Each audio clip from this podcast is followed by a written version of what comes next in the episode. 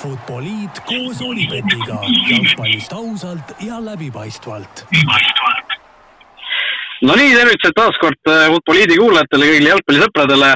koondise mängud selleks puhuks läbi, meil on siin paras hetk nendele põhjalikumalt otsa vaadata, aga samal ajal tuleb klubi jalgpall ka kohe pauguga peale. uuel nädalal hakkavad pihta juba meistrite liiga veerandfinaalid, nädalavahetusel veel suured mängud Premier League'is. nii et jututeemasid on palju. minu nimi on Raul Aessaar, seekord vist esimest korda ajaloos äh, telefoni teel ei ole ma siin isolatsiooni sattunud, lihtsalt äh, pikk nädalavahetus ja natukene linnast eemal, seetõttu siis äh, seekord äh, oma autost saadet tegemas, aga stuudios kohapeal tänane helimees slaš stuudioekspert Joel Lindermitte, tere Joel! tere, tere, tõesti väga uhke tunne on siin väga spetsiifilise puldi taga ja tehnika taga olla ja kõike siin seda hallata, nii et kui Raul siin Delfi meestega räägid, siis küsin, küsin väikest palgakõrgendust. teeme nii Äh, teemadena täna igatahes järjekorras, nagu öeldud, Eesti koondise kaks viimast kohtumist, MM-valiksarja algus Euroopas üldiselt, äh, Premier League ja meistrite liiga veerandfinaalid. Äh, no mis seal ikka, hakkame kuskilt, hakkame kuskilt pihta. kas teadsid, et Olipet pakub parimat mitmikpanuste diili Eestis? no Eesti koondis kõigepealt täna värskelt tuli ka uudis, et saabus täna Eestisse tagasi Äh, kõikidest meestest äh, kõik olid negatiivsed peale ühe, nii et üks positiivne koroonaproov, mis äh, lööb vist Prem liiga olukorra ka sassi. Joel, no sina Flora abitreenerina ei saa kohe vist hooaega alustatud endiselt või? mis sa praegu kuulnud oled? no ütleme nii, et terve lõuna on siin erinevad jutud ja vestlused käinud, et see kõik on, on tulnud päris sellise suure uudisena ja, ja ja ütlen ausalt, et äh, hetkel siin puldis istudes äh, täit äh, nii-öelda infot ei oma, et kuidas ja mis saab, aga aga kui peaks arvama, siis kipun, et tõesti võib-olla mingid mängud siin võib edasi lükkuda. no igatahes vaatame, vaatame need mängud üle, sellest esimesest kaks kuus Tšehhi mängust me juba eelmine nädal rääkisime, aga nüüd vahepeal kaks mängu Eesti koondis pidas veel, esimene oli MM valikmäng Valgevenega, kaks-neli kaotuse sealt saime. Läksime jälle juhtima, Henri Allilt superkoll pärast Anijalt veel üks läksime uuesti juhtima, aga lõpuks ikkagi äh, saime seal, saime seal tappa, et äh, kas oli see Karl Rudolf õiguse punane kaart, mis, äh, mis meid nagu lõplikult murdis, tundus sulle nii või, või oleksime me selle mängu nii ehk naa kaotanud, kuidas, kuidas sinu mulje nii-öelda jäi sellest kohtumisest? no ütleme nii, et kui vaadata sellele mängule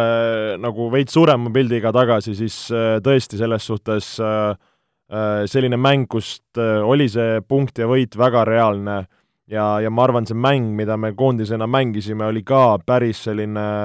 päris hea, et äh, kes võib-olla nagu tähelepanelikumalt vaatas, et siis tegelikult see väljak seal oli nagu no ikka väga-väga kehv, et siin ei ole mitte midagi öelda, see oli, see oli ebareaalselt kehv, väidetavalt oli seal ka äh, mururoheliseks värvitud, et natukene seal, natukene nagu niisugust paremat pilti teha, et seal nagu jalkat mängida oli raske ja näha oli, et seal oli kõva, kõva võitlus, kõva pusimine äh,, ütleme, kahe võrdse võistkonna vahel ja, ja otsustabki, kes suudab seal kas vähem eksida või oma võimalused ära kasutada.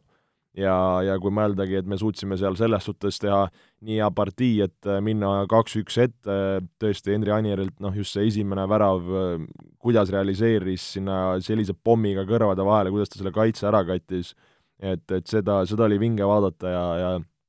ja reaalselt diivanilt oli äh, ei mäletagi, millal nagu Eesti koondise mängul nagu püsti kargad ja, ja nagu kõvast häälest äh, röögid, et, äh, et see, seda tunnet pole nagu ammu tundnud, et äh, et oli, oli nagu, oli nagu vinge, aga jah, kui sa küsid, et kuhu see mäng läks, siis äh, no ei tahaks nagu päris niimoodi näpuga näidata, aga, aga oleme ausad, et äh, noh, sellises mängus, kus sul on vaja see viimased viisteist minutit nagu ära seista,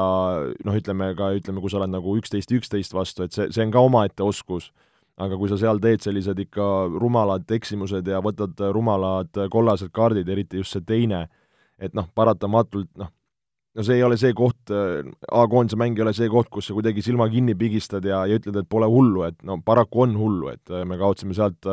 väga väärtuslikud punktid, noh, me ei tea, mis oleks saanud juhul, kui, eks ju, me oleksime olnud täies koosseisus, aga paratamatult see sellise emotsionaalse paugu lõi ja ja, ja, ja noh, tegi selle olukorra päris raskeks, et muidugi noh, need väravad, mis me ka seal lasime, et need noh, oli seal erinevaid eksimusi ja, ja kohti, kuidas oleks saanud paremini, aga, aga tõesti väga-väga kahju on, et, et oli, oli ju tunne, et äh, üle pika aja see, see mäng nagu et oleme nagu võitmas reaalselt, et ei olnud see, et me saame siit punkti, aga, aga niisugune tunne oli küll, et me nagu võidame või, või kas sinul vaadates oli pigem selline, et küll me ära muname või tundsid ka seal võidulõhna? No see oli nagu sihuke, sihuke mõlemat pidi, et, et alustuseks ma olen väga nõus Mihkel Uibolega, kes ütles hästi, et et Eesti nagu ajakirjandus või tegi koondisele komplimendi, kui rääkis nendest mängudest nagu ikkagi sportlikus võtmes, et, et mitte, mitte nii, et noh, et okei okay,, et see kokku klopsitud koondis kuidagi tegi, et, et selle Valgevene mängu ajal ju tõesti oligi tunne, et või noh, mina nagu mitu korda unustasin ära, et meil tegelikult on seal mingisugune kolmanda valiku kaitseliin umbes, eks ju, ja ja kolmkümmend meest puudu, et, et sellest hoolimata me tegelikult tegime nagu väga korraliku äh, lahingu, vähemalt andsime. aga, aga noh, see, see lõpp oli, oli küll selline, et ma nagu mõtlesin korra, et vahepeal, vahepeal tundus justkui, et see mäng on nagu Valgevene oma, sellepärast et nad hoidsid palli, siis vahepeal vaatasid nagu seda statistikat, et palju siis nagu sellest reaalselt kasu on, palju neid pealelööke on olnud, võimalusi. Need olid ju suhteliselt võrdsed, et selline tegelikult nagu selline fifty-fifty mäng oli kuni selle õiguse punase kaardini tegelikult. Et eh, olgugi, et Valgevene nagu hoidis rohkem palli, eh, kohati isegi surus, aga, aga nad nagu ei jõudnud väga kaugele, et see meie äh, Äh, kolmas-neljas kaitseliin oli, oli tegelikult äh, nagu sai suuremal jaol nende asjadega hästi hakkama, aga siis ma arvan, see punane kaart just äh, võib-olla psühholoogiliselt oli see murdepunkt, kus, kus, kus nagu asjad hakkasid alla, allapoole veerema, et seal noh, Valgevene muidugi kasutas seda olukorda hästi ära, ära ka seal lõi, lõi kenad väravad, aga, aga noh, kuidagi, kuidagi nagu tundus, et noh, ma arvan, ilma selleta see mäng oleks ilmselt jäänud viiki, noh, see, see, see nagu tüüris selle poole, ütleme niimoodi, et et seal ma arvan, et kumbki võistkond ei oleks väga hakanud riske võtma seal lõpus kaks-kaks nagu Eestile sobis eriti, Valgevene kindlasti oleks pigem võitu tahtnud, aga ma ei usu, et nad oleks ka väga seal peas nagu rünnakule toimu-, tormanud seal lõpus, et pigem ma arvan, et see oleks, oleks nagu tiksunud viiki ära, aga noh, paraku läks nii, et äh, midagi pole teha nojah, et nagu sa ütlesidki, ma arvan, niisugune väga võrdsete, võrdsete lahing ja, ja sellises olukorras on olulisem, kes vähem eksib või, või suudab seal mingid äh, nii-öelda halbu olukordasid vältida, et äh, seda kahjuks me ei, me ei suutnud ja ja no ütleme nagu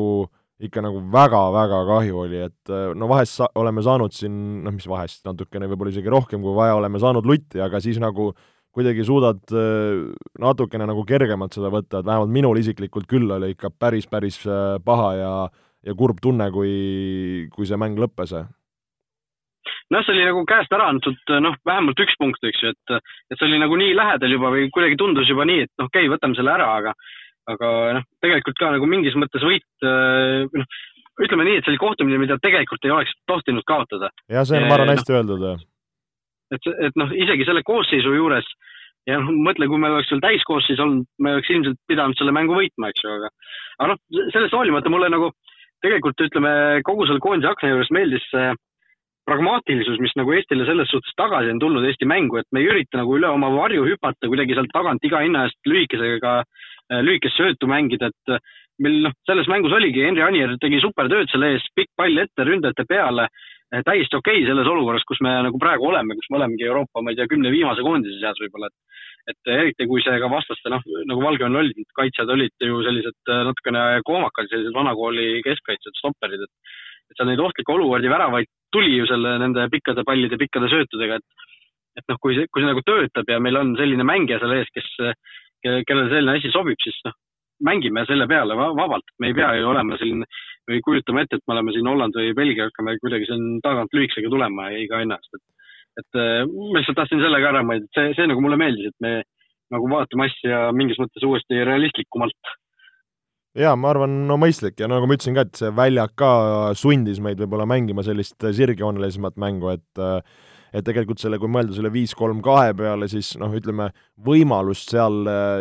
nagu palliga lükata, hoida sellist palliga tasakaalu ja ja natukene selliseid pikemaid rünnakuid teha, on nagu reaalselt päris, päris nagu okei okay olemas. et mind just eelkõige ka nagu paelub see, et kui meil äh, nüüd siin äh, tulevad äh, suvel, eks ju, äh, Balti turniir ja, ja sügise poole need nii-öelda alagrupi mängud, et,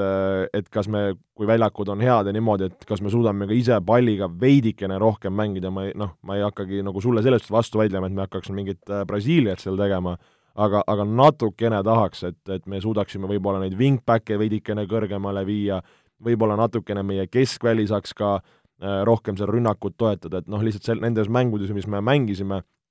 paraku olime sunnitud päris palju tööd tegema, mida tuleb kiita, meie, meie koondis tegi ja, ja tegi selles suhtes äh, kompromissitult, et sa nägid, et äh, kõik üksteist venda, need kolm mängu, noh, selles suhtes ei, ei olnud mingit hinnaalandust või, või keegi ei viilinud, et sa nägid, et iga mees pani, pani väljakul kõik, mis tal sees oli, kõik, mis ta oskas, ja, ja ma arvan, ka see on nagu osalt äh, üks nagu põhjus, miks ka võib-olla nagu nii inimeste kui meedia see tagasiside on olnud nagu selline okei okay,, et, et, et Eesti inimene tahab näha, et, et võistkond pingutaks ja kui noh, mingitel momentidel välja ei tule, siis, siis sellele kuidagi nagu äh, saab nagu mingis mõttes aru saada, aga, aga nagu seda, nagu sa ütlesid ka, et seda juttu mõnes mõttes on nagu olnud veidikene nagu palju, et noh, lõpuks me ei, me ei saa nagu mööda vaadata nendest väravatest, mis meile löödi, me ei saa mööda vaadata tulemustest, et nagu ei saa puhtalt ainult nagu seda ühte trummi ka taguda, ma leian jah, no kui, kui siit edasi minna sujuvalt selle Rootsi mängu juurde, siis siis äh, seal minu puhul jäigi nagu natukene häirima see, et okei okay,, me kaotasime üks-null väga tugevale koondisele. Äh, noh, seal on nüansid, eks ju, Rootsi ei mänginud oma kõige tugevama koosseisuga, aga isegi see koosseis, mis neil väljakul oli, Eesti jaoks oli ikkagi väga-väga tugev. no Eestil ei olnud ka ju teadupoolest niikuinii äh, tugev koosseis väljas, oli meil ka selline C, C-koondis või B-koondis seal platsil. aga, aga no mind jäi nagu kuidagi häirima see, et, et see, selle üks-null mängu juures, just selle Rootsi mängu juures Äh, jäi nagu mingisugune selline narratiiv õhku, et äh, oi kui tublisti me väärikalt võitsime, hoidsime oma väärikuse ja au äh, alles ja ja, ja kuidagi tegime vapra võitluse, seal Rockenetis olid kirjas, kuidas,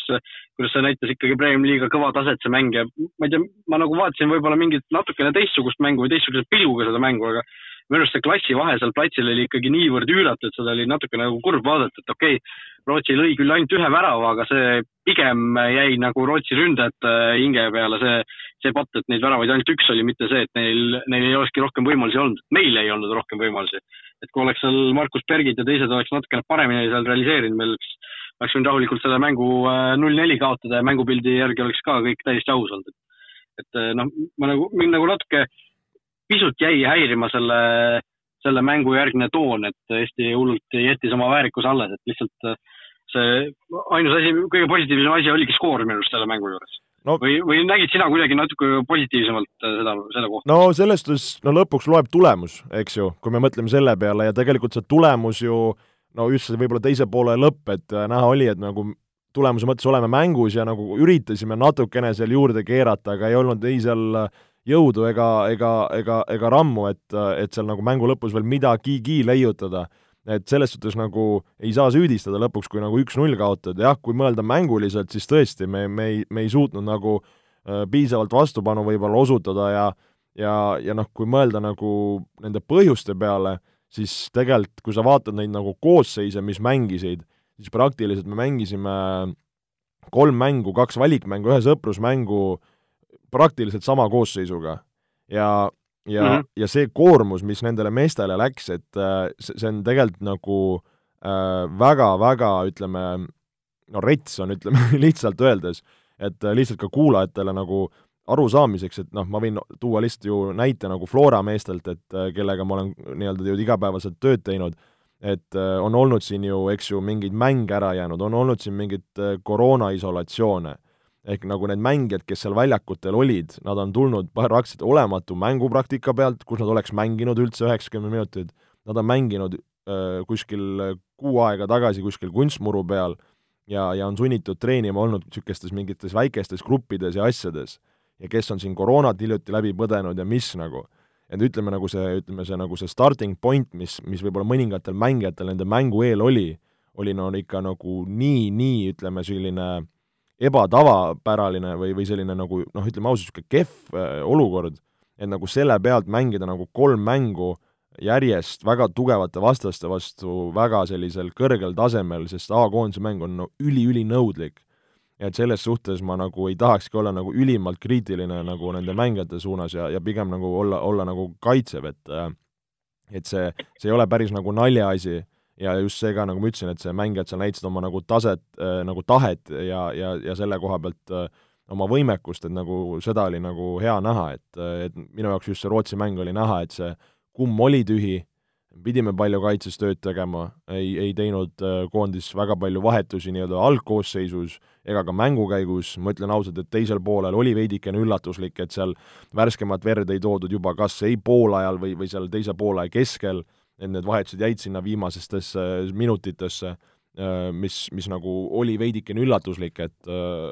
et, et, et nagu mina näen nagu neid asju nagu selles, selles võtmes nagu olles veidikene ise võib-olla seal sees või selle, seda nagu tajudes. Jah, selles suhtes ma ei taha kuidagi nagu väita ka, et see, see koosseis oleks kuidagi lati alt läbi jooksnud, kes seal Rootsis mängis, noh, see on nagu väga hea point, noh, Kostja Vassiljevi ka oma kolmekümne kuue eluaastaga kõik mängud ju alustas ja ja mängis, mängis iga, igas mängus ju päris palju kaasa, et, et seal noh, tema, tema on nagu kindlasti hea näide, et noh, ta pidi selle koondise nii-öelda liidriohjad enda kätte võtma seal, sest noh, kogenud mängijaid ju ei olnud seal väga palju ja, ja tegelikult sai, sai ta tegelikult väga hästi hakkama, et noh, see see tööraadios ka, millest sa eelmises mängus ju ka rääkisid või eelmises podcast'is meil rääkisid ju, et kuidas ta on Floras ka üks kõige rohkem jooksvaid mängijaid, et see, see, kuidas ta seal vahepeal äh, tegutses kuskil vastase otsajoone juures, tegi survet, et see oli, oli nagu äge vaadata tegelikult ja, ja, ja kindlasti noh, selle tahteliste omaduste poolest mul ei ole ka ühtegi etteheidet, lihtsalt äh, see etteheide oligi pigem võib-olla, või noh, ma ei tea, kas see on etteheide lihtsalt, äh, mis mind jäi nagu natukene isiklikult häirima, et, et kuidas, kui nagu veidralt positiivsetes toonides seda, seda kaotust vaadeldi, et noh, ma ütlen, esimesel poolel räägiti, ETV kommentaatorid täiesti sirge näoga rääkisid, et meil oli, oli üks hea võimalus, mis oli see mingisugune karistuslöök, mis sealt vasakult äärelt tuli, kus Baskotši sai lihtsalt mingi täiesti suvalises kohas sai lihtsalt pea vastu korra pikendada, et, et see oli meil suurepärane peallöök või hea võimalus, see nagu kvalifitseerus, et, et kui see oli nagu hea võimalus, siis Rootsil oli, ma arvan, niisugune kakskümmend, kolmkümmend head võimalust mängu jooksul. aga, aga noh, see selleks, et et tegelikult äh, mis me, mulle selle mängu juures nagu üks detail, mis mulle silma hakkas, kusjuures oli, oli Henry Anieri üks löök esimesel poolel, ma ei tea, ma ei mäleta, kas või noh, ma ei tea, kas sa panid seda tähele, aga ühes olukorras, kus, kus talle pandi selline pikk pall ette, kõrge pall äh, Karissala joone juurde, sinna nurga lähedale, Karissala nurga lähedale ja kui, kui ta lõi seda nagu, see pall tuli üle õla ja ta lõi seda otse õhust küljevõrku, mäletad seda? jaa, mäletan et no selle, selle löögi ajal hakkasin mõtlema, et, et ossa kurat, et, et no sellist lööki ei tee mängija, kellel on noh, see enesekindlus kuskil madalal või noh, Anier, kui ta lööb kolm väravat sul valikmängudes sellise koosseisuga koondises, et, et no see oli minu jaoks märk, et kurat, see mees on nagu tõesti praegu väga hea soos, et, et ma arvan, et noh, võib-olla isegi enne seda koondise akent Anier ise oleks ka võib-olla selle palli üritanud kuidagi maha võtta ja kuidagi selle rünnakut sealt hakata siduma, aga seal sellisest kohast nagu otse peale lüüa, jah, seal oli suluseis, ma ei tea, kas ta teadis seda või mitte. aga noh, see, see kuidagi oli minu jaoks selline väike detail või väike märk, mis näitas, et, et see mees on nagu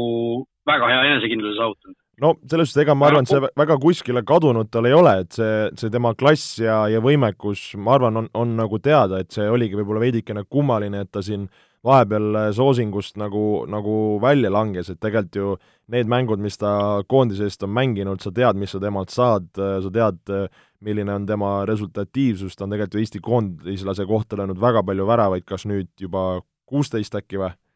et jah, midagi sellist see number oli. et, et, et see on, see on, see on märkimisväärne ja, ja just nagu, nagu sa räägid enesekindlusest, siis ründaja puhul on, on oluline, et, et sa kui sa ükskõik, kus sa klubis mängid, mängid sa Eesti meistriliigas, mängid sa Saksamaa meistriliigas, ma ei tea, mängid sa ükskõik kus, aga ründajana on oluline, et sa lööksid väravaid igapäevaselt, sul on see hea tunne sees ja siis sa võidki minna ükskõik kelle vastu ja ja, ja seesama enesekindlus kasvab sul nagu edasi ja kui sa suudad veel koondise mängus seal lüüa, siis nagu ründajate jaoks ongi nagu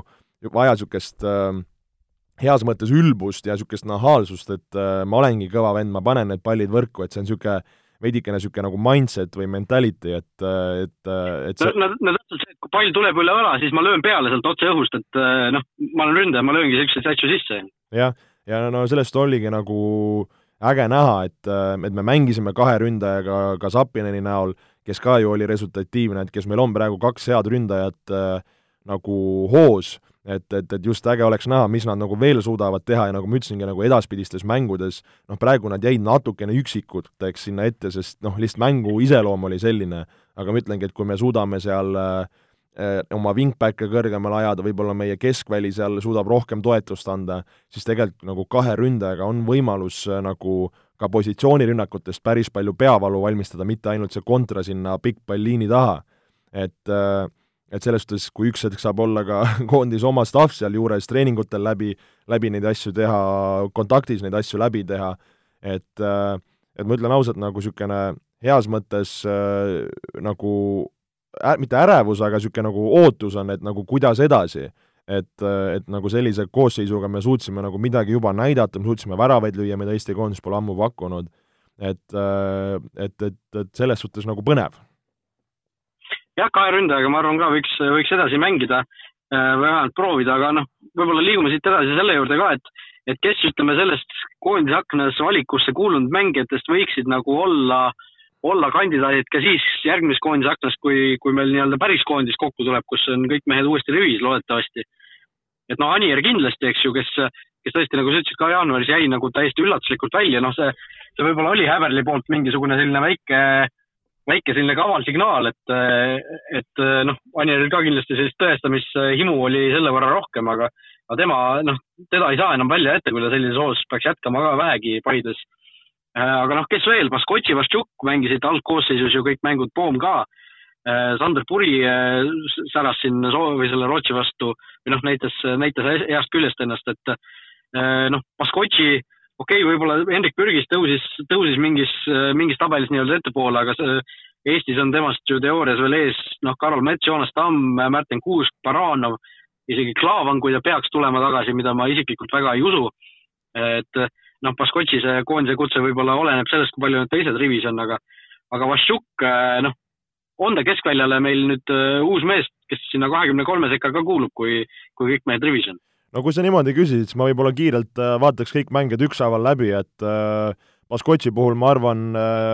mees tegi selles suhtes äh, väga head partiid, et kui sa mõtled, sa oled äh, kaheksateistaastane noormees, kes pole siin ka tegelikult ju meeste tasemel väga mänginud, et siis tegelikult ju ütleme, et nagu tema pealt ju nagu väga räigelt ei kärisenud, et okei okay,, see Tšehhi mäng seal mõned momendid äh, krossidel oli näha, et võib-olla raske, aga ma ütlen, see oli väga suur väljakutse ka nendele mängijatele. Et äh, kui sa vaatad nagu Baskotši mänge, siis ta nagu mäng mängult läks nagu ma ütleks, nagu paremaks või õrnalt nagu küpsemaks ja tõesti sai nagu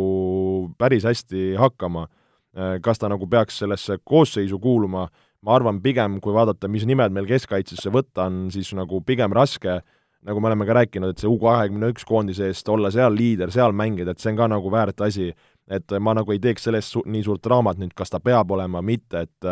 et kindlasti väga väärt kogemus talle ja, ja ma arvan, nagu võib oma esitlustega nagu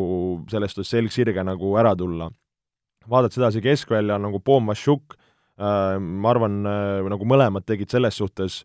oli, oli neil palju teha, et pidid väga palju kaitsetööd tegema, kui oli variant palliga mängida, üritasid, et, äh, et oli mõlemal, ütleks, Pomi Vašukil nagu mõndades mängudes nagu üks vahepeal korraks kadus ära, siis jälle teine nagu kadus ära ja nagu niisugune üles-alla käis. et Vašuk kindlasti nagu,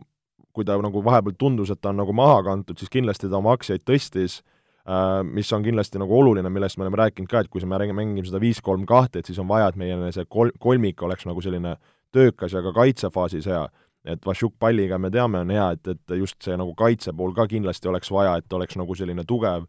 ja, ja samamoodi nagu Poomil, et noh, Poom, Poom tean ka, et just kui ma rääkisin, kes mis olukorras tulnud on, siis oligi, et Poom oli siin terve pre-season'i vigane, siis põdes siin koroonat ja siis sa pead minema nagu koondisest mängima kolm mängu ja kui siin mingid äh, kriitikud arvavad, et seal paar söötu läks metsa, et nüüd on nagu maailma lõpp, et see nagu päris nii ei ole nagu.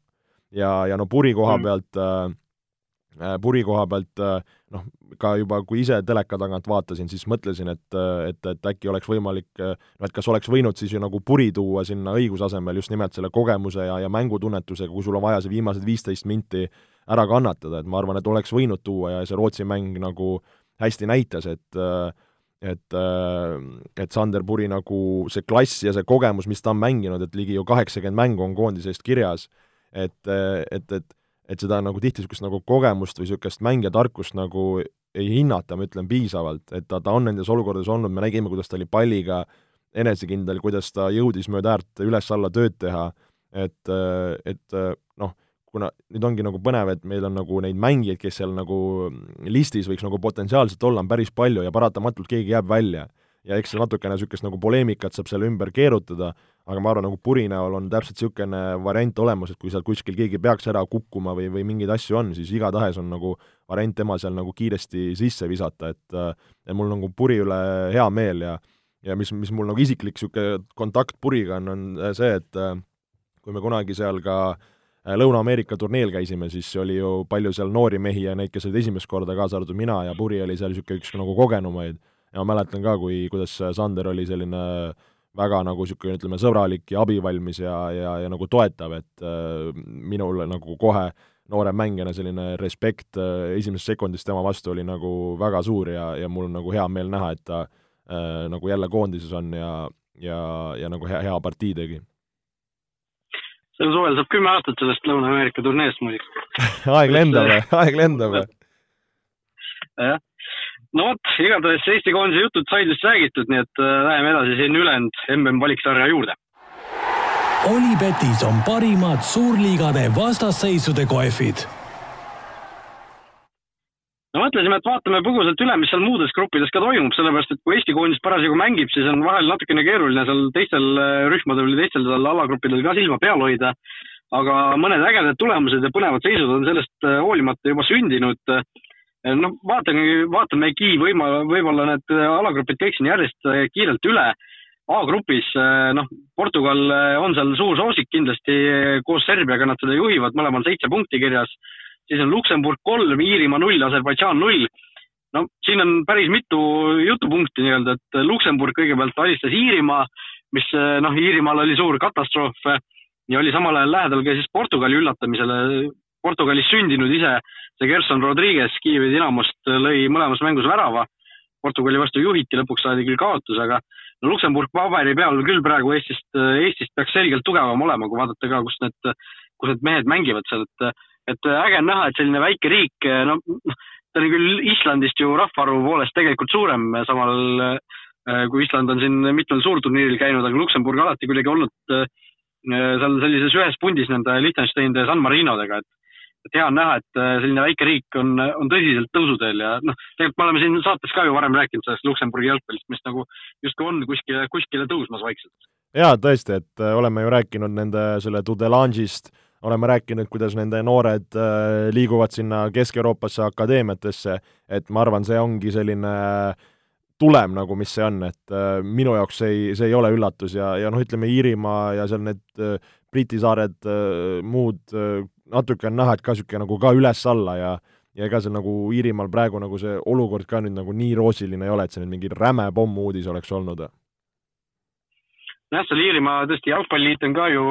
olnud siin äh, tükk aega edasi erinevate mingisuguste probleemide ja, ja kus on president saanud seal mingisuguseid uskumatuid palkasid ja,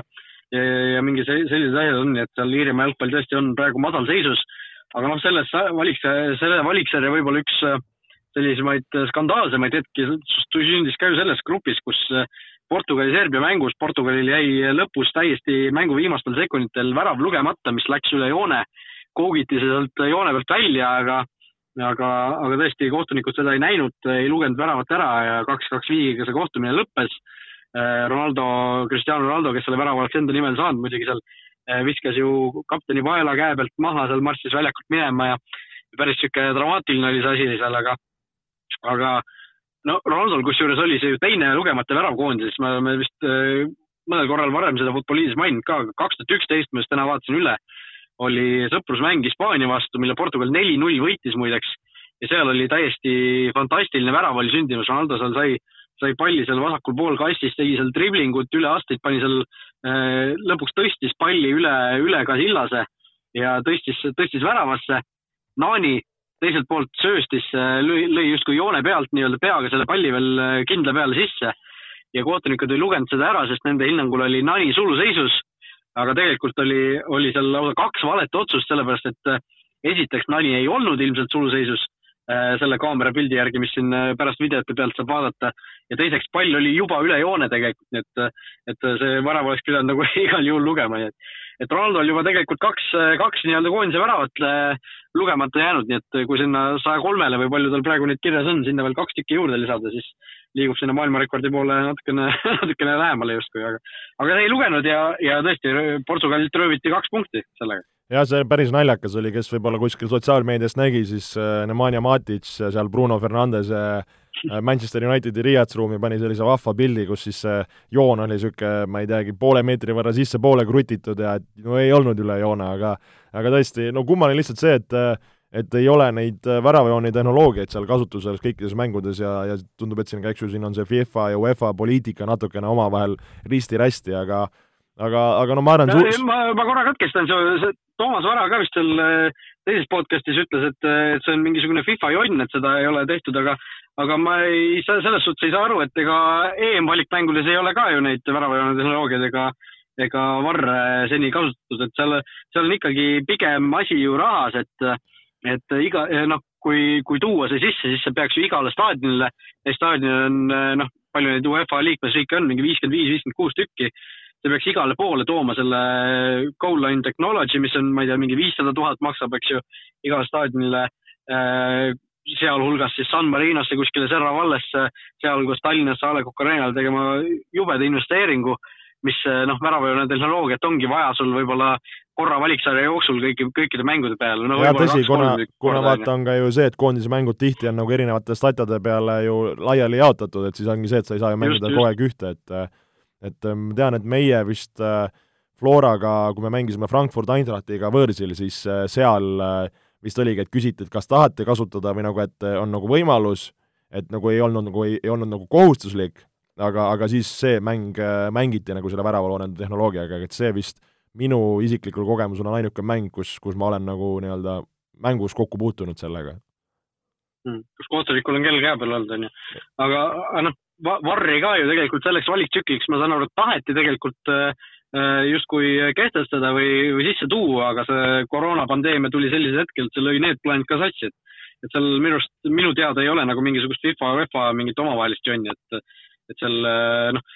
samas minu meelest oleks võinud siin teha ikkagi siis selle, et kui sul väravajoone tehnoloogiat ei ole, siis sa ikkagi nendes mängudes kasutad siis seda kastikohtunikku näiteks, mis on ka ju täiesti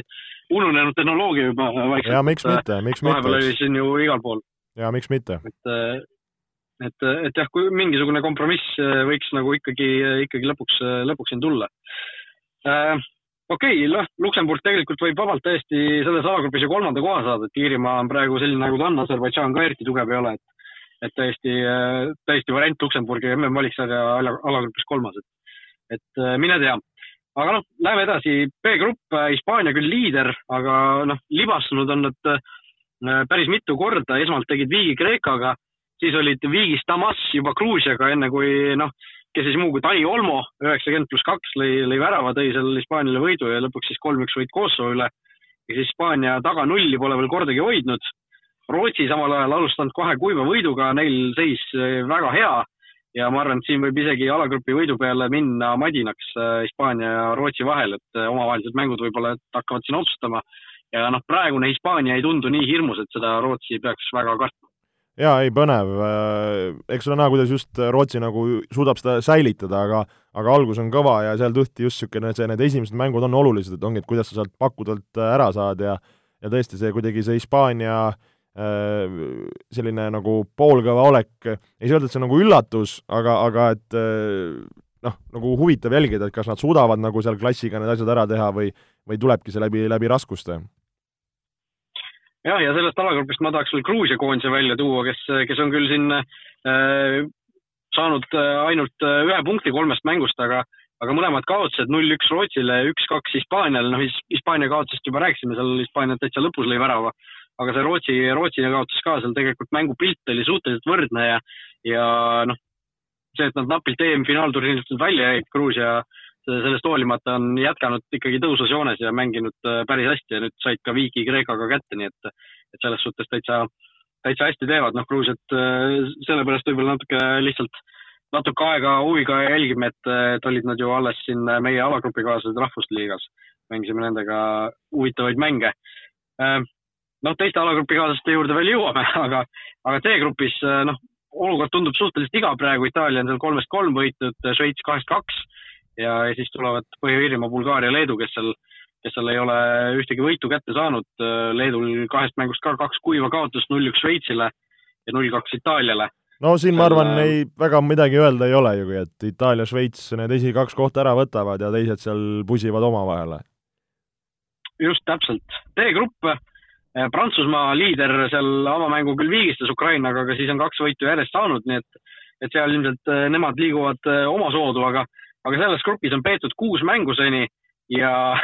neli nendest on lõppenud viigiga, ehk siis Ukraina on alagrupis teisel kohal, nimelt nad on kolmest mängust teinud kolm viiki.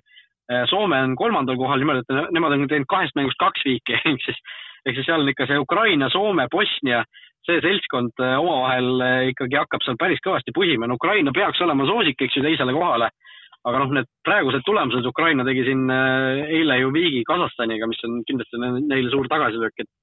et kui sellised asjad jätkuvad, siis seal Soomel võib ka täitsa võimalus olla kuskile jällegi kõrgele pürgida. ja no tundub, et äh, Soome pidu ei, ei, ei plaani lõppeda, et äh, väga äge, äge vaadata ja hea meel neile kaasa elada. ja, ja kui ma ei eksi, siis peaks ju olema Soomel ka see nii-öelda võimalus varu väljapääsuna sinna MM-ile pääseda, kas nad ju võitsid oma selle äh,, ei võitnud, sorry, ei võitnud äh,. ma mõtlesin, et nad võitsid enda selle Rahvuste Liiga alagrupi, aga nad said ikkagi lõpuks Walesit tappa, nii et, nii et äh, võtan sõnad tagasi äh,. nii äh,, oleme jõudnud siis E-grupini äh,, mis ongi meie, meie enda grupp äh,. noh, võib-olla kõige huvitavam tulemus Eesti koondise mängudest väljaspool oli see Walesi üks-null võit Tšehhi üle, seal Patrick Schick ju sai teise poole alguses suhteliselt kohe punase kaardi äh, Wales suutis äh, tänu sellele lõpuks võidu kirja saada, mis selle teise koha võitluse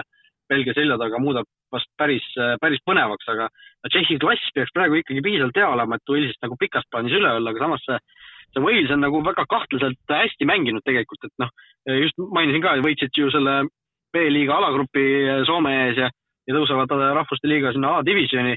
Ja nüüd ikkagi noh, ma ei tea, äkki lähevad ka ikkagi selle teise koha peale välja, et see võit Tšehhi üle oli väga-väga magus tulemus nende jaoks igatahes. no tulemuse mõttes väga vinge, ma olin veidikene üllatuslikult, et see, see võit tuli, ütlen ausalt, et seal ei vaadanud, et kuidas see punane kaart tuli ja ja kuidas see teine poolaeg välja nägi, et olin üsna kindel, et Tšehhi võtab selle kindla peale ära. et äh, et ma arvan, et pikas perspektiivis ka pigem Tšehhi, kui aus olla, sest see Tšehhi jättis mulle nagu väga hea mulje. et äh, aga, aga nagu tulemuse mõttes Walesilt kindlasti kõva skalp just, no F-grupist rääkides hea, hea ja headest muljetest rääkides, Taani äh, liider kolmest mängust kolm võitu, väravate vahe neliteist null. Äh, noh, suur osa sellest tuli muidugi Moldova vastu, keda nad kodus lausa kaheksa-null tümitasid, Moldova ka täiesti sinna Euroopa nii-öelda põhjakihti langenud. aga noh, selles suhtes on see naljakas alagrupp, et seal ei olegi nii-öelda ühte, ühte seda suurt riiki, et äh, Taani ongi nagu selle, selle koha täiesti endale võtnud ja, ja noh, kui kolmest mängust neliteist null väravate vahe on, siis äh, siis tuleb neid juba vaikselt sinna Euroopa suurte sekka võib-olla liigitada, aga noh, okei okay,, võidud on tulnud siin Iisraeli, Moldova ja Austria üle, noh, Austria üle neli-null võõrsil võita on ka ikkagi samas päris kõva avaldus ikkagi. igatahes, igatahes, aga niisugune jah, nagu äh, selles suhtes põnev grupp jah, et nagu tunduks nagu esmapilgul niisugune üsna võrdne ja, ja kõike võiks juhtuda, aga tõesti, Taani, Taani näitab klassi jah, Šotimaa, Iisrael, Austria, Fäärid ja Moldova on siis selles grupis veel peale Taani ja, ja tuletan meelde, EM-finaalturniir hakkab juba vähem kui kahe ja poole kuu pärast ja Taani on seal alagrupis, selles Põhjamaade alagrupis Soome, Venemaa ja Belgiaga ja mängib kõik alagrupi mängud kodus, nii et äh, väike, väikest viisi tormihoiatus võib-olla äh,. nii, G-grupp, äh, no vot siin läheb võib-olla kõige põnevamaks, sellepärast et Äh, see on see Türgi, Hollandi, Montenegro, Norra, Läti, Gibraltari grupp, kus, äh, mis algas ju kohe pauguga, Holland sai Türgilt kaks-neli tappa kohe esimeses mängus. Ja Türgi seejärel pani veel Norra ka kolm-null magama, nii et äh, tõesti tegid väga võimsa alguse, aga türklased pole ka veatud, on neil oma Hilluse kand ja selle Hilluse kanna nimi on Läti. Lätiga lepiti siis kolm-kolm viiki, kusjuures anti ära siis nii kaks-null eduseis kui kolm-üks eduseis, ehk kaks korda Läti tuli kaheväravalisest või noh, kokkuvõttes tuli siis kahest erinevast kaheväravalisest kaotusseisust välja ja noh, Läti on Türgiga ajaloos mänginud kuus korda ja paku, mis see, mis see Läti saldo nendest mängudest on? no kui sa nii provotseerivalt küsid, siis ma pakuks äkki üks võit, kaks viiki. Äh, üks võit on õige, aga nad ei ole mitte ühtegi mängu Türgile kaotanud, üks võit ja viis viiki. Vau, vau, vau. et no tuletan meelde, Läti-Türgi olid, eks ju, vastamisi seal kaks tuhat neli EM-i play-off'is, kus äh, Verpakovskid ja asjad seal, eks ju, Läti äh,, Läti finaalturniirile vedasid toona, on ju, aga pärast seda on ka tõesti, kõik mängud on, on viigiga lõppenud, seal kaks tuhat kuusteist valiksarjas oldi ka koos, nii et et, äh, et noh, mine tea, võib-olla siin tõesti Lätil on kuidagi mingisugune see Türgi, Türgi cheat code kuskil kuskil riietusruumis kirjas, aga, aga tõesti noh, enne seda Läti kaotas nii Montenegrole kui Hollandile, nii et väga suurt mingisugust Läti jalgpalli tõusu sealt justkui oodata, oodata ei ole. aga noh, see grupp on selles suhtes ka huvitav, et Norra, keda, kellelt ka ju siin ikkagi finaalturniirile pääsemist oodati, kolmes mängus Erling Haaland pole ühtegi väravat löönud. ja, ja noh, see kaotus Türgile ikkagi pani neile päris kõva põntsu, aga, aga see alagrupp on seni nii ühtlane olnud, et Montenegro ka siin ju noh, võttis oma kohustuslikud võidud Läti ja Gibraltari üle ära ja ja on ka seal kuue punkti peal, et Türgi seitse, Holland kuus, Montenegro kuus, Norra kuus. seal läheb veel kõvasti madinaks ja need omavahelised mängud ilmselt hakkavad seal kõvasti otsustama jaa, selles suhtes ma arvan, võib-olla nagu taseme mõttes, kui sa tõid e-, eelmise alagrupi välja, kus seal nagu tundus, et on nagu võrdsed, siis ma arvan, et see on nagu kõige, kõige põnevam ja, ja siin võivad nagu kõik, ütleme nagu see esimesed neli nagu üksteist võita, et ja noh, juba on seda nagu näidanud, et ma arvan jah, võib-olla kõige, kõige krõbedam äh, alagrupp, võib-olla isegi koos järgmise alagrupiga. Jah, järgmine alagrupp äh, on see kuulus Slaavi alagrupp, A-grupp, äh, kus siis Horvaatia kuus, Venemaa kuus, Slovakkia viis, Küpros neli, Sloveenia kolm, Malta üks, ehk siis seal on Horvaatia, Venemaa, Slovakkia, Sloveenia, kõik need slaavi satsid koos ja lisaks veel siis kaks, kaks seda Vahemere saareriiki, Küpros ja Malta. ja noh, seal on ka need asjad ikka igatepidi läinud. Horvaatia kaotas Sloveeniale, võitis siis Küprost, Maltat. Venemaa võitis Sloveeniat, aga kaotas Slovakkiale. Slovakkia on küll ainsana kaotuseta, aga alagrupis alles kolmandal kohal äh, võitsid Venemaad, samas nad tegid viigid mõlemad siis, mõlema selle saareriigiga, Malta ja Küprosega. Sloveenia äh, alagrupis alles neljas, võitis küll Venemaad äh,, aga, aga kaotas siis äh, või, või tähendab, võitis Horvaatiat, aga kaotas Venemaale ja siis veel Küprosele ka veel takka pihta, et, et tõesti äh, pöörane grupp, pöörane grupp ja seal, seal noh, tõesti võib absoluutselt kõike juhtuda, kuigi noh, Horvaatia Venemaa peaksid olema seal ikkagi selged soosikud, aga, aga noh, need mõlemad on juba selgelt äh, praegu punkte ära andnud. no Sloveenia, Slovakkia, need võivad alati nagu mängu teha ja seal mängumehi on, et äh, et äh, ma arvan jah, võib-olla kõige üllatusvõimelisem äh, alagrupp. just, I-grupp, Inglismaa grupp, siis Inglismaa kolmest mängust kolm võitu, liigub kenasti. Ungari hetkel teisel kohal, selles suhtes neil on ka hästi alanud see valikgrupp, et noh, kahe, kahe kääbusega, seal on nii Andorra kui San Marino on ühes grupis koos, neid nad võitsid ja tegid avamängus siis Poolaga kolm-kolm viigi, mis neile ka pigem, ma arvan, sobib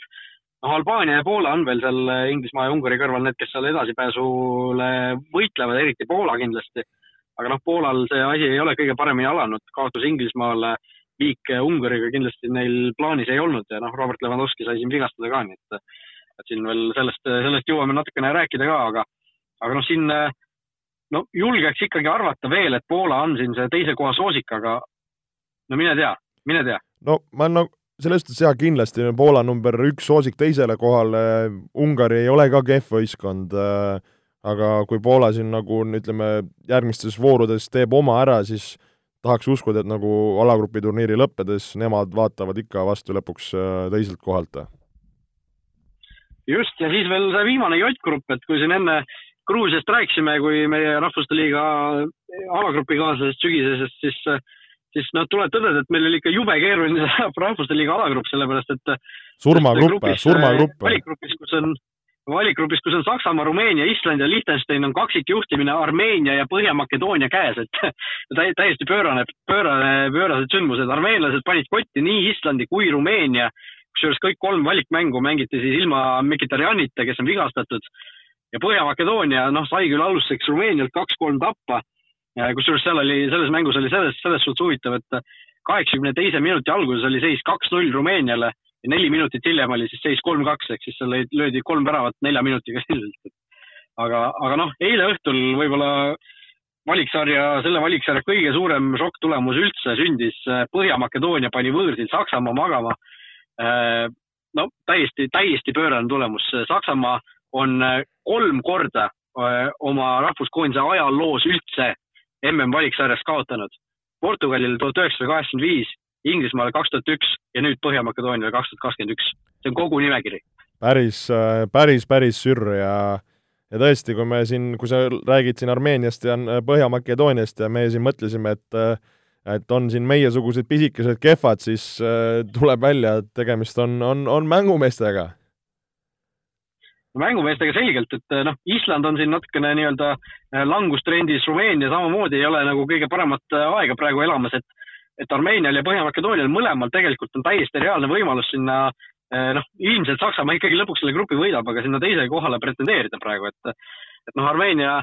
mäletan, kui Eestil oli see supervaliksari kaks tuhat kaksteist valiksari, siis Armeenia tegelikult tegi ka toona väga hea tulemuse, aga nad jäid napilt oma alagrupis minu arust kolmandaks ja ei saanud sinna play-off'i, et et nüüd on võimalus nagu vigade paranduseks ja noh, kui nad veel, kui nad veel Mkhitarjani ka sinna juurde saavad või võtavad, siis, siis seal võib-olla tõesti noh, see seltskond on praegu lihtsalt selline, et seal, seal tõesti nagu peale Saksamaa või noh, peale Saksamaa on kõik võidetavad, aga Saksamaa on, tuleb välja ka võidetav ikkagi, nagu Põhja-Makedoonia just näitas, et Goran Pandevilt värav ja, ja mida kõike veel, et Joachim Löövi viimane valikmäng Saksamaa eesotsas ja esimene kaotus päris, päris, päris sür. ja, ja seal oli veel päris, päris head nalja sai, et Põhja-Makedoonia mingisugune ajaleht seal printis Timo Wernerile välja Makedoonia ID-kaardi, et et ma ei tea, kas sa videot nägid, kus seal kaheksakümnendal minutil, kui üks-üks oli veel seis seal, Werner sai põhimõtteliselt tühja väravasse lükata ja lükkas sellest mööda, et et seal tõesti tegi seal eh, tehnilise meistersportlase saatuse endale juba Makedoonias vaikselt kätte, et et aga noh, Timo Werner on Timo Werner sel hooajal, see on ikka päris, päris sür, mis selle, selle mehega ka toimub muidugi. aga noh, soovime, soovime õnne Armeeniale, Põhja-Makedooniale, see oli tõesti vägev, mis nad praegu on teinud, et ja see asi püsib siin vähemalt sügiseni, seesama tabeliseis järgmiste mängudega. ja nii on Olipetis on parimad suurliigade vastasseisude kohvid. Läheme edasi Premier League'i juttude juurde ja Premier League'is ka üle tüki aja nüüd äh, jalgpalli mängitakse ja laupäeval esimesed äh, kohtumised äh, algavad ja kohe alustuseks Chelsea West Brom, Toomas Tuhhel versus Sam Allardyce, kas West Brom võtab lõpuks ikkagi selle Chelsea skalbi ära, et Tuhheliga Chelsea skalbib, mida keegi pole siiani suutnud, neliteist mängu null kaotust ja ainult kaks väravat endale lastud Tuhheli käe all. ära aja mulle hullu juttu, West Brom ei tee Chelsea vastu mitte muhvigi.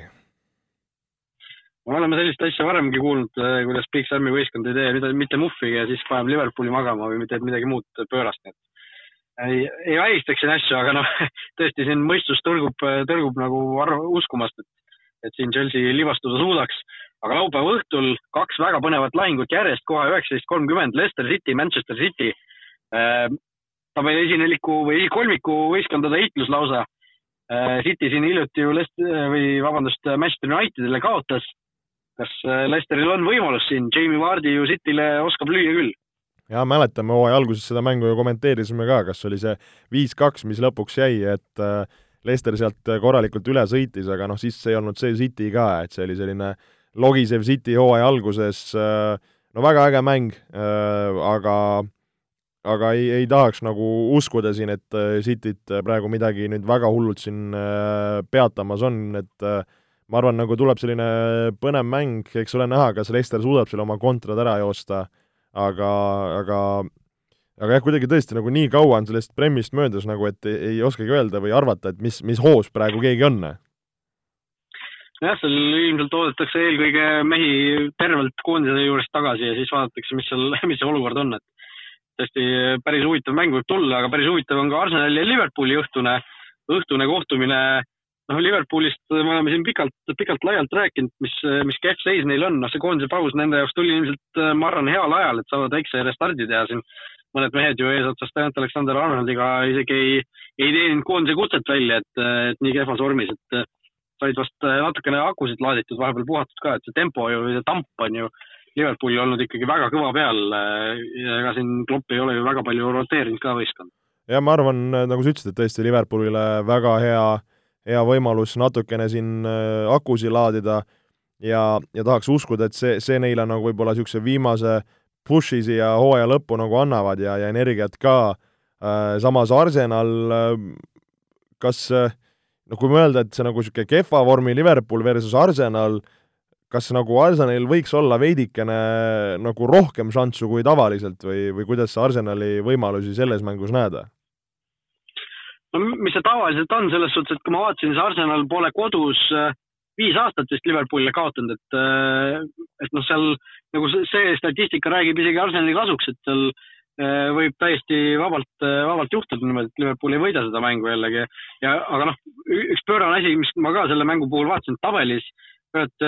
vahe on ainult neli punkti, et Arsenal on justkui kogu aeg seal tabeli kuskil keskel virelenud, aga tegelikult praegu on Liverpoolist nelja punkti kaugusel. kui nad selle mängu nüüd võidavad ka, siis on vahe ainult üks punkt, et päris nagu pöörane, kuidas need asjad on ikka muutunud. Liverpool ka, kes ju vahepeal tundus seal hooaja alguses, et liigub ikkagi kindlalt sinna järjekordselt tiitli suunas, siis nüüd on ikkagi selge ees nii kõvasti vastu langenud. et juba Arsenal tuleb, tuleb vaikselt vastu. ja no tõesti, no Arsenal tegelikult ju noh, ütleme viimased äh, kolm mängu siin viik, võit, viik, et sellest võib-olla kõige rohkem hõisata ei ole, aga aga ega noh, ega see Liverpooli vorm on olnud ka üles-alla, noh kuigi siin viimases äh, mängus pärast kahte kaotust suudeti Wolvesi üks-null hädavaeva võita, et et jah, nagu põnevusega just jälgin, millise hooga Liverpool äh, välja tuleb. just, no pühapäevased äh, kohtumised, seal on natukene sellisemaid kõrvalisemaid mänge, aga noh, Newcastle Tottenham kindlasti on, on üks, üks mäng, mida jälgitakse, kas Tottenham suudab siin võõrsil ikkagi väga selges madalseisus Newcastle'i kindlalt need kolm punkti ära võtta ja siis hilisõhtul Manchester United Brighton, mille osas minul on kindel veendumus, et Brighton selle mängu võidab või vähemalt viigiga Old Traffordilt lahkub, et äh, ma arvan, et see on juba lihtsalt karma see, see asi, mis selle hooaja alguses omavahelises mängus toimus, kus, kus Brighton kogu mängu surus äh,. Oli, lõi seal kaks väravat ka, aga United kuidagi mingisugustest äh, veidratest olukordadest sai need väravad kätte, siis äh, see oli ju see mäng, kus lõpuvile käis juba ära ja siis kohtunik veel läks varri seda monitori vaatama ja andis penalti selle lõpuvilja järel nii-öelda, mille Bruno Fernandes sisse lõi ja Unitedil kolm-kaks võidu tõi, et see, ma arvan, et siin ikkagi Brighton võtab, võtab mingisugused punktid siit ära, et nad on viimases kahes mängus siin enne koondispausi said ka oma võidud lõpuks kätte, on hakanud nagu perform ima selle asemel, et et jäädagi ainult nendes expected goals'i edetabelites sinna tippu, et, et noh, neil on terve hooaeg olnud probleeme ju totaalselt realiseerimisega ja, ja noh, kui nad nüüd vähegi ennast, ennast seal eespool ka kokku suudavad võtta, siis ma arvan, et nad on väga võimelised Unitedit hammustama vähemalt. no karma, karma on tõesti põnev asi, kas no Brightonit me oleme siin ju haipinud küll, et noh, Unitedil ka, ma arvan, nüüd võimalus selles suhtes mitte käkkida ja näidata, et et tegelikult äh, noh, Leicester äh, praegu, eks ju, punkt taga, taga Unitedist ja, ja Chelsea tuleb mühinal, et siin United ei tohi selles suhtes nagu jalga lõdvaks lasta, arvata, et siin see Champions League'i koht on nagu väga kindlalt olemas, et äh, et kui siin natukene midagi nässu läheb, võib, võib vaadata veel siin Euroopa liiga koht ka vastu või? Nojah, no sellest rääkides, siis lähim jälitaja esinelikul praegu West Ham esmaspäeva õhtul läheb Woolsiga võõrsil vastamisi. West Ham siis äh, noh, kui Unitediga võrdluse tõid, siis äh, Unitedil sellest esinelikust väljalangemisest on praegu kaheksa punkti puhvrit, mis noh, tundub suhteliselt selline turvaline, aga aga samas tõesti, kui siin mingisugune kehvem seeria sisse tuleb, siis, siis võib siin vabalt äh, hakata, hakata see asi nagu lähemale tulema, aga noh, West Ham samas ka viimast neljast mängust ainult üks võit ja Wolves, noh, Wolves nüüd viimast neljast mängust null võitu, et West Ham praeguse hoo pealt või see, selle hooaja hoo pealt peaks nagu selle mängu ära võtma, aga aga mul on ka kahtlane tunne, et see, see võit siit äkki ikkagi ei tule neile. no jaa, ma räägin, et see kuidagi ka nii ammu pole seda Premmi näinud, et ka täitsa niisugune ärevus peal, et mis, mis saama hakkab. just, ja no võib-olla lihtsalt kiirelt mainiks ära ka, et laupäeval on ju äh, Bundesliga's suur mäng Leipzigi ja Müncheni Bayerni vahel, noh, Robert Lewandowski vigastusest enne rääkisime, et Lewandowski seal mängida ei saa Äh, ja Leipzig on Müncheni Bayernist vaid äh, nelja punktiga tabelis taga, nii et seal võib ka veel päris põnevaks minna, aga läheme vaikselt edasi siit äh, meistrite liiga juttude juurde. kas teadsid, et Olipet on Eesti spordiennustajate esimene valik? Nii, meistrite liigas juba hakatakse mängima veerandfinaale uuel nädalal, teisipäeval, kolmapäeval kokku neli mängu kavas on, nii et mõlemal päeval siis kaks kohtumist samal ajal teeme siin kiired ennustused, ennustusringi nii-öelda ja räägime võib-olla paari sõnaga need, nendest mängudest. Manchester City, Dortmund kõigepealt teisipäeval, võtame selle mängu ette. noh, jällegi sellest City Guardiola võimalikust ülemõtlemisest ja kõigest sellest me juba siin paar saadet tagasi rääkisime, aga aga no mis see realistlik, realistlik stsenaarium nüüd on, kas City lähebki lihtsalt marsib sellest Dortmundist üle või, või on siin ikkagi Haalandil ja teistel Dortmundi noortel ässadel midagi varuks? no tunduks esmapilgul, et City peaks neist kindlalt üle sõitma ja, ja võtma oma, samas Pepi paanikat me oleme näinud, ma arvan, see on nagu City jaoks selles suhtes nüüd nagu üle pika aja üks korralik, korralik küpsuseksam, et kaua sa neid argiteooria eksamit sooritada järjest nagu põrud ja põrud, et üks hetk on vaja need load kätte saada, et äh, ja minu jaoks on, nagu ma ükskord mainisin ka, et nagu mida suudab Haaland korraldada, mida nad suudavad kontratest nõelata, et äh, kui ohtlikuks Dortmund suudab neile saada, et see on nagu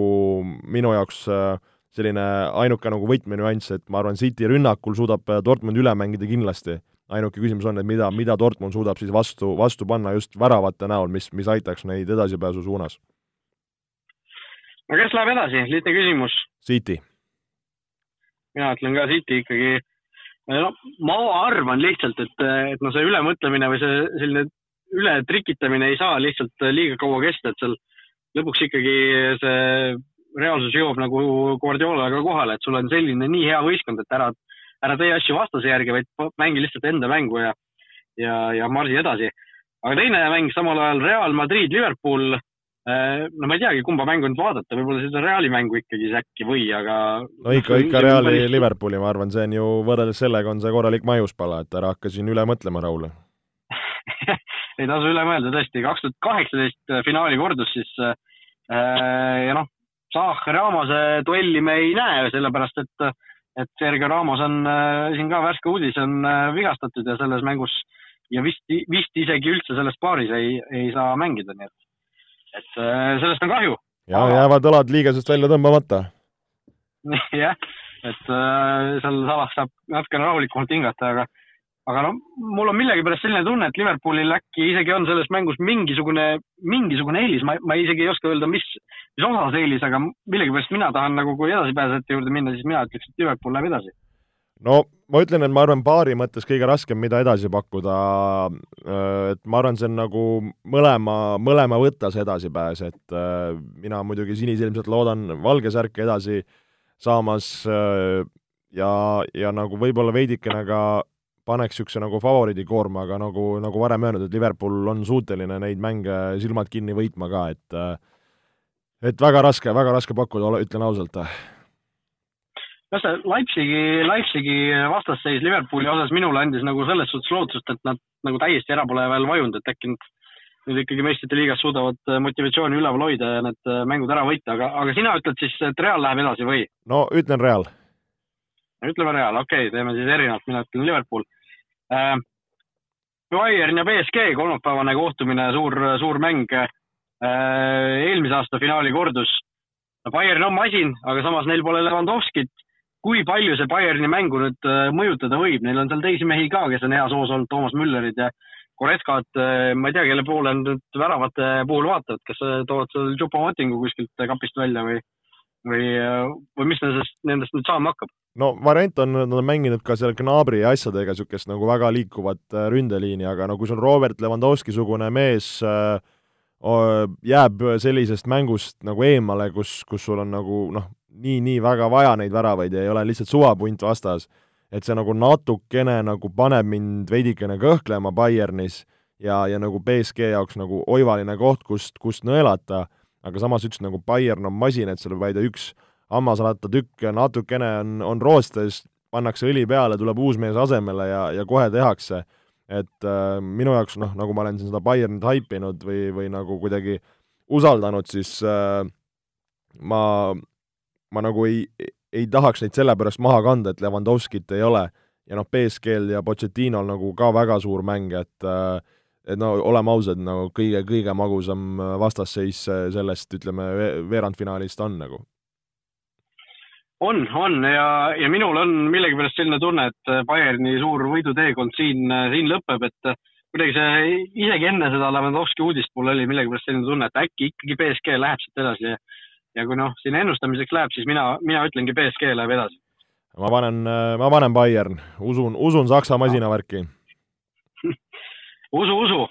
samal ajal teine kohtumine FC Porto ja Chelsea, no kes seda mängu võib-olla vaatab, äh, neid inimesi ilmselt väga palju ei ole, samal kui Bayerni ja BSG mäng äh, käib, aga, aga noh, Chelsea on ilmselge soosik selles, äh, selles paaris, võib-olla kõige suurem soosik üldse nendest veerandfinaalidest, et nii et isegi suurem soosik kui võib-olla kui City Dortmundi vastu millegipärast mul selline tunne on, aga noh, Porto nagu ühest küljest ei saa seda alahinnata, eriti pärast seda nende Juventuse võitu, aga samas see on FC Porto. Neil on Portugali liigas päris kehvasti läinud see hooaeg, et jah, ma ei tea, võib-olla nad on selle hooaja Lyon, mäletatavasti, mäletatavasti Lyon ka ju eelmisel hooajal jõudis poolfinaali välja. et nad äh, Prantsuse liiga lõpetasid seitsmendal kohal alles, nii et, et äh, alati see kodu, kodu nii-öelda, koduliiga edu ei, ei tähenda edu kohe meistriliigas ja koduliigas kehvasti minek ei tähenda kehvasti minekut äh, meistriliigas ja noh, Liverpooli puhul ka ju sama, sama lugu tegelikult see hooaeg jaa, no kui me tookord arutasime ka, et mina ei näe siin Portol küll kahjuks mingit šanssi, et see Chelsea mäng on olnud lihtsalt minu jaoks nii, nii veenev? Chelsea edasi. Chelsea edasi. okei okay., Oliveti kuulaja küsimus äh, tuleb meil samuti meistrite liiga kohta, tuleb see siis äh, selle kolmapäevase Bayern BSG kohta. Äh, aga enne seda ütleme ära, et võimendatud koefitsientidega erikampaaniad on siis Olivetil tulemas sel nädalavahetusel Leicester Manchester City mängule ja siis sellele samale Bayerni ja BSG mängule ka järgmisel kolmapäeval ja Olibeti kuulaja küsimus on siis selline, milline mängija lööb selles kohtumises esimese värava, ehk siis küsime teilt mängija nime, mitte võistkonda.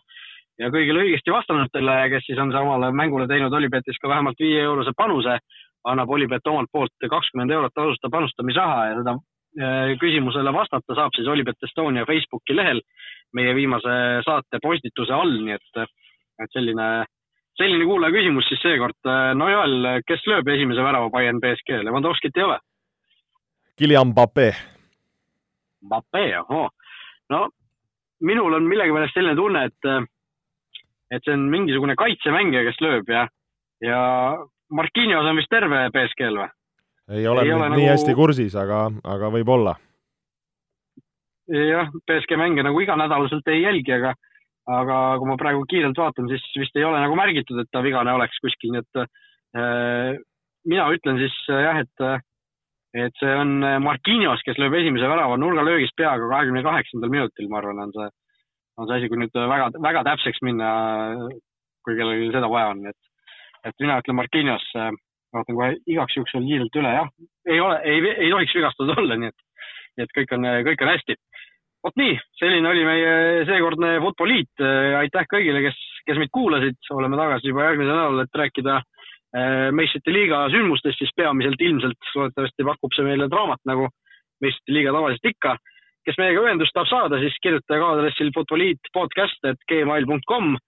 Subscribe ige meie kanaleid igasugustes äh, podcast'i äppides, SoundCloudis, iTunesis, igal pool mujal. ja aitäh kuulamist, kuulamast ja kohtume juba uutes saadetes kõike head, olge mõnusad! vutiviikendi parimad kohvid leiad Olipetist